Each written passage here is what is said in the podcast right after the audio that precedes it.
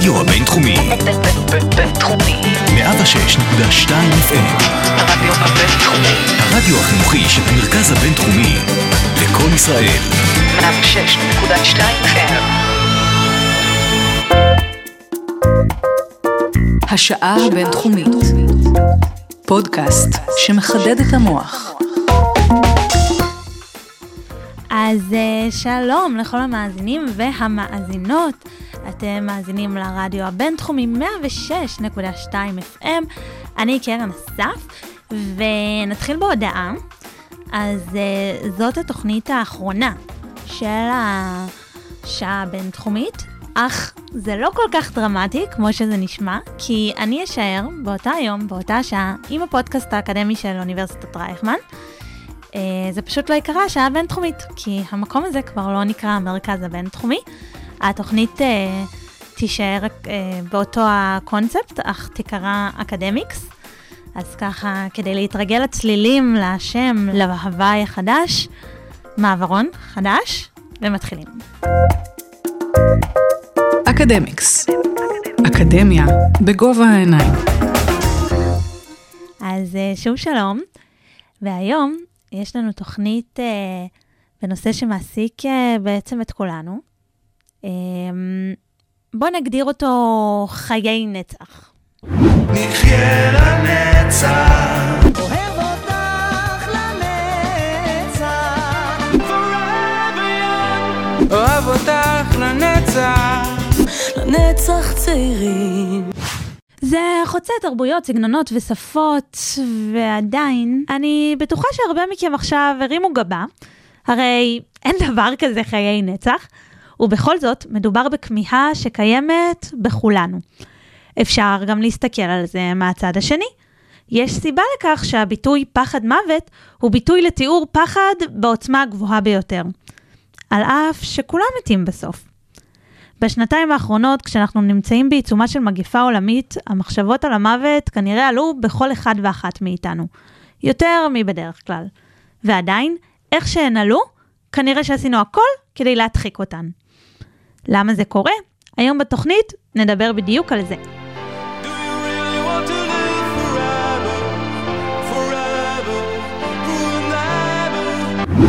אז אה, שלום לאורי ליפשין מבית הספר לפסיכולוגיה, מרצה בקורס פסיכולוגיה אקזיסטנציאליסטית. אה, אז אולי אה, נתחיל מההתחלה, מהמקור. מה זה פסיכולוגיה אקזיסטנציאליסטית או פסיכולוגיה קיומית, למי שלא מכיר? אה, שלום קרן, אהלן. שלום. נעים מאוד. אה, כן, אז פסיכולוגיה אקזיסטנציאליסטית בעצם אה, מתעסקת עם השאלה של איך אה, להיות קיים בעצם בעולם הזה בתור בן אדם שחי ומת, איך ה- המודעות הזאת, ה- ה- המצב הקיומי הייחודי שלנו כבני אדם, בעצם משפיע על ההתנהגות שלנו, על החשיבה שלנו, על הרגשות שלנו. Uh, והקורס הוא פסיכולוגיה אקזיסטנציאליסטית חברתית, כלומר, יש פה איזו הסתכלות uh, רחבה, איך זה, איך הנושאים האלה של חיים ומוות, משמעות בחיים, חופש, כל הדברים האלה שהם החוויה האנושית הבסיסית שלנו, משפיעים עלינו במגוון דרכים. והשיח לא, בשיעור הוא לא רק על איך זה משפיע אה, ברגע האחרון אה, לקראת, אה, על ערש דווי, אלא לאורך כל ה- תקופת החיים בעצם, נכון? כן, uh, למעשה הזווית האקזיסטנציאליסטית בעצם רואה את, ה, uh, את החיים כמשהו שיש בו uh, גם טוב וגם רע, כלומר יש, יש בו בעצם אבסורד מסוים ש, שקשה לנו להתמודד איתו, ו, ובעצם כ, כ, המצב הזה שלנו כבני אדם מאלץ אותנו בעצם להתגבר על כל מיני אבסורדים או, או פחדים שיש, שיש בחיים, אה, וזה משהו שצורך מאיתנו בעצם אה, עבודה יומיומית, אה, בין אם ברמה מודעת או ברמה לא מודעת, אבל זה משהו שמכורח היותנו בני אדם, אנחנו נאלצים להתמודד איתו. אז למה, למה אנחנו כל כך חוששים מזה? כולם מתים בסוף. אה, כן, אז תראי, רוב בני אדם האמת שלא לא מסתובבים ופוחדים מהמוות, או לא חוששים מזה באופן מודע. והתיאוריה שאני מתעסק איתה הרבה, תיאוריית ניהול האימה, גורסת שבעצם אה, אנחנו עושים איזושהי עבודה אה, אה, שכנועית, ככה כדי לא, לא, להיות מודע, לא, להיות, לא לפחד מהמוות, לא להיות מודעים מהמוות, סוג של הדחקה, אם תרצי, אה, שבסופו של דבר אנחנו, אנחנו אה, משיגים תחושה של ביטחון בחיים ותחושה של נצחיות, שעוזרת לנו להמשיך הלאה בחיי היום-יום, ו... ולא להתעסק עם הדברים שאין להם כרגע פתרון, אה, או שעלולים להתחיל, ל... ל... לגרום לנו לחרדה. אז רובנו הגדול אה, לא, לא, לא מוטרדים מהעובדה הזאת ש... שאנחנו הולכים למות יום אחד, זה, לא חושבים על זה. אבל, אה, וזאת בזכות כל מיני הגנות שאנחנו משתמשים בהן, ואנשים שקצת פחות משתמשים בהגנות האלה, אולי כן אה, מוטרדים מה, מהדברים האלה. איזה דוגמה ל- ל- להגנות אתה יכול לתת? אז אה, כן, אז התיאוריה בעצם אה, מסתכלת, התיאוריה הזאת התחילה מאיזשהו ניסיון להסביר אה, בעצם למה אנחנו צריכים דימוי עצמי, ולמה זה כל כך חשוב לנו להגן על השקפת העולם התרבותית שלנו, מה זה בעצם עושה בשבילנו. Uh, יש הרבה מאוד מחקר ש... שמדגים שאנשים מאוד מאוד חשוב להם לה... להרגיש טוב עם עצמם כל הזמן. הם יעשו הרבה מאוד דברים, כולל אפילו לפגוע בהצלחה של עצמם כדי להרגיש טוב עם עצמם. כלומר, מאוד מאוד מה זאת חשוב. לנו. אומרת? למשל, אה, בוא נאמר שיש מבחן מאוד חשוב מחר, ואת, אה, מאוד חשוב לך אה, להצליח, אבל את יודעת שאם תיכשלי, זה יפגע לך בדימוי העצמי, אז אולי אם תצאי יום לפני ותתני לעצמך איזה תירוץ, למה לא הצלחת במבחן, או כי יצאתי, או משהו כזה, או כי זלזלתי בעצם. בעצם לא רציתי להצליח. בעצם. כן, כן, אז יש לנו המון תירוצים בעצם להגן על הדימוי העצמי שלנו. אה, ובממוצע אנחנו חושבים שאנחנו גם יותר טובים מאנשים אחרים, בדברים החשובים לפחות, אוקיי? אה, ו, ובעצם השאלה היא למה, למה זה כל כך חשוב. אה, בתיאוריות ניהול האימה, שמתבססת בעצם על, ה, על הכתבים של האנתרופולוג אה, ארנסט בקר, אה, בעצם מנסה לספק תשובה ל- לדבר הזה. ו- והתשובה מתחילה, לפחות הניתוח של בקר, חוזר לילדות כמקור של דימוי עצמי, של... אפילו לפני הילדות, בקר שם לב שבעצם אנחנו נולדים חסרי ישע לחלוטין, אה, בניגוד לשאר החיות, שמהר מאוד אה, יכולות להסתדר בעצמן, אבל אנחנו מאוד תלויים בהורים שלנו לכל דבר בעצם, ויחד עם זאת יש לנו מערכת אה, של אה, חרדה, שלמעשה שומרת עלינו, כי אם אנחנו בסכנה וחם לנו, או קר לנו, אה, או אנחנו מפחדים, אנחנו בוכים, ואז בעצם ההורים שלנו נותנים לנו אהבה ומגינים עלינו. אה, וככה בעצם נוצר איזושהי מערכת של חרדה ואהבה, אה, שהאהבה מרגיעה את החרדה. אבל כשאנחנו אה, גדלים, אנחנו מבינים שכדי לקבל את ההגנה והאהבה מההורים שלנו, אנחנו לפעמים צריכים לעמוד בסטנדרטים מסוימים. אז, אז זה בעצם הבסיס של דימוי עצמי, האם אני ילד או ילדה טובה, אני, מגיע לי את ההגנה מההורים. עכשיו, נכון, ש, ו, ו, ו, ו, נכון שיש הורים שייתנו לי אהבה בכל מחיר, אבל עדיין, גם ההורים האלה, יש דברים שאסור לי לעשות, כן? אסור לי לצייר עכשיו על הקירות ב... אם אני לוקחת את זה לכיוון שלי והרגשות והחיים, זה שאני אני לא חוששת שנניח, אמרת קודם מבחן, שאם אני אה, אכשל במבחן יפסיקו לאהוב אותי, אבל איזה כיף זה להגיע הביתה עם 100. זה... בדיוק, בדיוק. כן, נכון, אז, אז, אז הדברים האלה אולי במודע, אנחנו לא מודעים לקשר הזה בין דימוי עצמי לבין חרדה. אין לנו ממש אה, מודעות לזה, אבל זה שמה בהתחלה. אה, ואז כשאני ילד טוב, אז אוהבים אותי ואני מרגיש מוגן, אה, וזה הבסיס של דימוי עצמי בעצם, זה, בגלל זה זה חשוב לנו. אה, ועכשיו שאנחנו, לפי התיאוריה ולפי בקר, שאנחנו גדלים עוד, אז אנחנו למדים שלמעשה ההורים שלנו הם לא כל יכולים, ויש סכנות גם להם וגם סכנות שהם לא יכולים להגן עלינו מפניהם, כמו המוות למשל. ואז אנחנו צריכים משהו יותר גדול וחזק מההורים שלנו, אה, שייתן לנו את ההגנה הזאת. זה יכול להיות אלוהים, התרבות שלנו, הזדהות עם משהו אה, גדול וחזק.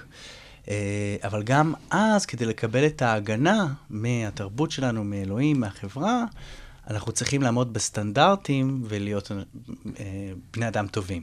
אנחנו צריכים להיות אה, הורים טובים, אה, תלמידים טובים, מורים טובים, חברים טובים, אה, וכן הלאה. אה, וזה בעצם דימוי עצמי בבגרות. אה, אז בעצם הרעיון הוא שזה המערכת ההגנה הבסיסית, ההתקשרות שלי עם ההורים, עם, ה- עם האנשים החשובים שלי גם, שנותנים לי אהבה, והדימוי העצמי שלי אה, כפרט בעל ערך ב- בתרבות, שראוי לאהבה וביטחון, ובסופו של דבר אה, גם לאיזושהי תחושה של נצחיות. אה, אז פה, אז בעצם, ה- ה- ככל שאני עומד בסטנדרטים של התרבות שלי, של מה זה אומר להיות בן אדם מוצלח וטוב, ככה אני יכול להרגיש ביטחון עצמי ולהיות מוגן. אה, ו... כשאתה אומר אה, למשל נצחיות, כן. אז לכולם, בתוך תוכם אה, ברור שהם לא יהיו פה לנצח, אז במה זה מתבטא? למשל שיזכרו אותי כאדם טוב, שיזכרו אותי כגיבור, ש... בדיוק, אז האמת שתודה על השאלה, בדיוק קלט בול, וזה מה שהייתי צריך. אז קודם כל, השימוש במילה גיבור הוא מצוין, כי זה בדיוק מה שבקר דיבר עליו. על זה שאנחנו רוצים להיות גיבורים, למעשה. אה, כדי להשיג את אותה הנצחיות. עכשיו, הנצחיות באמת יכולה לבוא לידי ביטוי אה, בכמה דרכים. אז קודם כל יש לנו נצחיות, מה שנקרא ממשית, או literal immortality באנגלית, mm-hmm. שזה אמונות תרבותיות באמת בחיים שאחרי המוות, אה, גלגול נשמות, אה, גן עדן. אה, שגם שם אני צריך לעמוד באיזה שהם סטנדרטים של הדת שלי כדי לזכות ב, ב, בהרגשה שאני, שאני אזכה להגיע ל, ל, לחיים שאחרי המוות בא- באופן הממשי. אה, אבל יש לנו גם נצחיות סימבולית, מה שנקרא, ש, שפה אנחנו בעצם ממשיכים להתקיים באיזושהי צורה סימבולית אחרי המוות. אה, אה, בין אם זה למשל בזיכרון של אנשים אחרים, על ידי דברים שהשגנו אה, בחיינו, אה, אה, אה, הישגים ב, למשל מדע, אה, תרבות, אה, ספורט, אה, מוזיקה, אומנות. אה, ילדים. ילדים, וכן, אז כמובן שילדים, אה, זה אם לא הדרך של המשכיות סימבולית, למרות שאפשר לקרוא לזה גם אולי ביולוגית, כי באמת יש פה איזה, יש פה איזה המשכיות שהיא, אה, שהיא ממשית, אבל, אה, אבל בהחלט ילדים, חברים, אה, שותפים רומנטיים, והזדהות עם התרבות שלי ככלל. כלומר, הזהות, הזהות שלי כישראלי, למשל יהודי, כחלק ממשהו שימשיך אה, מעבר לחיים שלי, זה, זה תחושה של, אה, של נצחיות סימבולית. אולי ככל שאני יותר אזדהה עם התרבות שלי, אה, וככל שאני אאמין שהיא באמת, אה, יש לה סיכוי טוב להצליח, אז אני אה, ארגיש יותר את ה... טוב למות בעד ארצנו. ש... כן, זאת אומרת, אני- הגוף בהחלט. שלי לא כאן, אבל ארצנו נשארת... מושלם. ומה מה נהיה מוכנים אה, או לא מוכנים לעשות, ואיך זה תלוי מבחינת... אה, כדי שיזכרו אותנו, כמה צייתנים נהיה מוכנים להיות, כמה... יש לך פנים שלא רואים אותנו כי זה רדיו, אבל זאת שאלה מפוזרת מדי. לא, זו שאלה, שאלה מצוינת, שאלה ענקית. זה באמת, אה, מה אנחנו נהיה מוכנים לעשות. אז, אז קודם כל, אנחנו נהיה מוכנים לעשות את מה שהתרבות שלנו אומרת, כביכול, באופן הפשוט ביותר, שהתרבות שלנו אומרת שזאת הדרך להשיג אה, חיים שלאחר המוות, כן? אם אנחנו בתרבות בודהיסטית ואומרים לנו אה, לשבת לעשות מדיטציה ו... אה, לא יודע מה, להיות. לעשות את הטקסים המסוימים האלה, אז זה מה שנעשה. אם אנחנו בתרבות שאומרת לנו אה, אה, לא לאכול אה, XYZ כל היום, אז זה מה שנעשה. אם זו תרבות שאומרת לנו לשים חגורת נפץ ולהתפוצץ ולהרוג את עצמנו, אז אולי זה מה שנעשה. אה, אם אנחנו צריכים להשיג הרבה כסף, עוד פעם, אז, אז כלומר התרבות, יש לנו דרגות חופש, יש כמובן שכל תרבות יש לה הרבה דרכים אה, להשיג אה, תחושה של נצחיות, ויש לנו גם השגה של תחושה של נצחיות אה, שהיא לא רק אה, כפוף תרבות, כלומר באמת אה, דרך היחסים הרומנטיים שלנו, משפחה, אה, אולי קריירה אישית, שוב זה עניין תרבותי, אבל יש תרבויות שהן יותר אינדיבידואליסטיות, ואני יכול באמת להשקיע באיזשהו פרויקט יצירתי ולהשיג את התחושת נצחיות שלי ככה. ולמעשה, אפשר להגיד שגם ההתנהגויות הטובות ביותר של בני האדם וגם ההתנהגויות הרעות ביותר של בני האדם, אפשר לייחס אותם לקונפליקטים האקזיסטנציאליסטיים האלה. כלומר, מצד אחד אני יכול להיות הבן אדם הכי נחמד בעולם ולתרום את כל הכסף שלי לזולת ולבנות אה, בית חולים לילדים שיזכרו אותי וינציחו אותי ובאמת לעשות טוב. אה, אבל מצד שני, זה יכול גם להסביר למה נורא נורא יהיה חשוב לי, למשל, להצדיק רק את התרבות שלי ולחסל אה, ולרצוח את כל מי שחושב שונה ממני או מערער על הנכונות של התרבות שלי. כן? כלומר, אם הבסיס שלי של ביטחון פסיכולוגי הוא שאלוהים ברא את העולם בשבע ימים, ו... ויש רק אל אחד. ויש ו- רק אל אחד, ומישהו בא ואומר לי, אה, לא, אה, למעשה העולם אה, נוצר מתוך גוז קוקוס שיצא מ... כן, יש כאלה תרבויות ש... שזה מה שהם חושבים, וב... ובצורה היסטורית זה די מפריע ל... לתרבויות מסוימות שמערערים עליהם, ואז יש לנו ניסיון להמיר דתות, לשכנע אנשים אחרים שאנחנו הצודקים, ואם לא, אז... אז uh, לערוף את הראש שלהם למשל, uh, יכול להיות דוגמה. לערוף את הראש אז אתה... מלחמה, אתה לוקח הרבה יותר סיכוי להתמודד גם עם המוות שלך לטובת ההגנה על הנצחיות. אה, זאת אומרת, אני, אני מתמודד, אני מוותר על הקיומיות הממשית לטובת קיומיות לא, שאינה ממשית. נכון, זה בדיוק האירוניה הגדולה, שבעצם uh, מהצורך שלנו לב... בעצם לברוח מהחרדה מהמוות, אנחנו לפעמים מקרבים את המוות הרבה יותר. עכשיו אנחנו חיים בעצם אה, בתקופה שאנחנו כל הזמן אה, בעצם מסתכלים אה, למוות בעיניים, גם אם קצת בישראל שכחנו את זה עכשיו, המגפה העולמית אה, עוד כאן. אה, איך זה משפיע על היכולת שלנו לתפקד, להתנהל? אז זהו, אז שזה זה בטח מאוד משפיע. אה, אז המחקרים במסגרת תיאוריות ניהול האימה מראים שאפילו אזכרה, אזכור מאוד מאוד קצר של המוות, בין אם זה קראת על זה בעיתון, ראית משהו בטלוויזיה, אה, כבר יכול ל- להיות כמו איזה סימן שמכניס את, ה- את הראש שלך לאיזושהי פעולה שכבר מנסה למצוא ביטחון, ובלי שאת מודעת לזה אפילו. אה, וכמובן שהקורונה, אה, עם כל ה... אה, עם המספרים של המוות ו, וכל ה... בעצם כל אזכור של מחלה ואזכור של הקורונה יכול להעלות את הדבר הזה למודעות ולמעשה לגרום לתגובה של הגנתיות מ- של בני אדם. אז, אה, אז בני אדם ינסו יותר, לפי התיאוריה, לאשש את אותן האמונות התרבותיות שלהם, שנותנות להם ביטחון, ולהיות... אה, ולחזק את הדימוי העצמי שלהם והיחסים הקרובים שלהם, אה, ולהיות הגיבורים למעשה, מצד אחד. אה, וזה אומר אולי גם, שוב, להיות יותר פרו-חברתי ולעזור לזולת ולעזור לאחר. מצד השני, אולי להיות קצת יותר אה, חסר סבלנות כלפי מישהו שחושב אחרת ממני, אולי קצת יותר אלים כלפי מישהו אה, שאני לא מסכים איתו, אז אנחנו באמת רואים אה, פילוג פוליטי גובר, אה, קושי של אנשים לקבל דעות שהן סותרות משלהם, בין אם זה על אה, דעה פוליטית, או אם זה למשל לגבי חיסונים.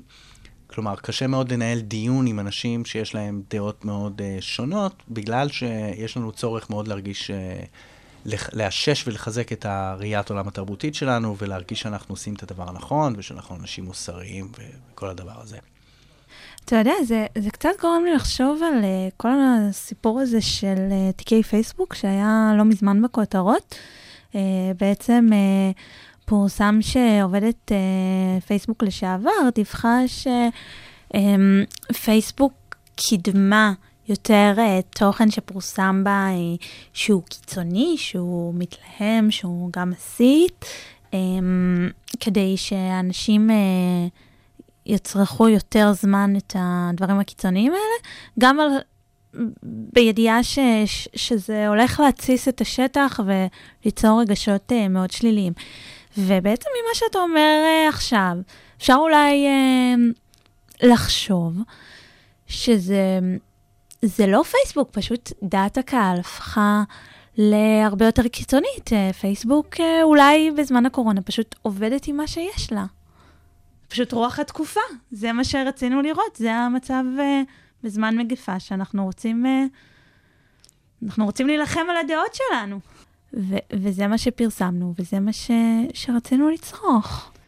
כן, אה, טוב, קשה לי להגיד אם, אה, ספציפית לגבי אם זה היה מכוון או לא מכוון, אבל, אה, אבל מה שבטוח זה שיש הרבה שימוש, פוליטיקאים עושים הרבה שימוש בתיאוריה הזאת. למשל, אפשר להסתכל על ה... אני אחזור למלחמה שהיה לנו לא מזמן, אז, אה, אז אפשר להגיד, זו תיאוריה, אני לא בא ואומר מה נכון ומה לא, אבל למשל שביבי ידע שהוא הולך להפסיד, אז uh, ברגע שנוצר איזשהו חיכוך, ואז פתאום יש מלחמה, אז הרצון שלנו, אז זה כמו תפעול מוות, ואז הרצון שלנו לחזק את הלאומנות שלנו, ואת האהבה שלנו לארץ ישראל, ולמצוא את המנהיג החזק שיודע, אז זה בעצם קלאסי כזה, ש, שבעצם זה יכול היה להרים לו את הפופולריות. לא משנה שבסופו של דבר, לא, זה לא שהוא ניצח בסופו של דבר בקלות, אבל גם למשל אה, דונלד טראמפ. בסדר, לאורך ההיסטור- ההיסטוריה אפשר לראות הרבה מקרים שעשו... כן. אז גם למשל דונלד טראמפ, Make America Great Again, כן, להזכיר את המוות ואז להחזיק את הדגל. אה, 9-11, כמובן שזה היה אה, גם כן אה, אה, אסון התאומים, שומש כדרך ללכד את הציבור האמריקאי אה, ביחד וללכת למלחמה אחר כך.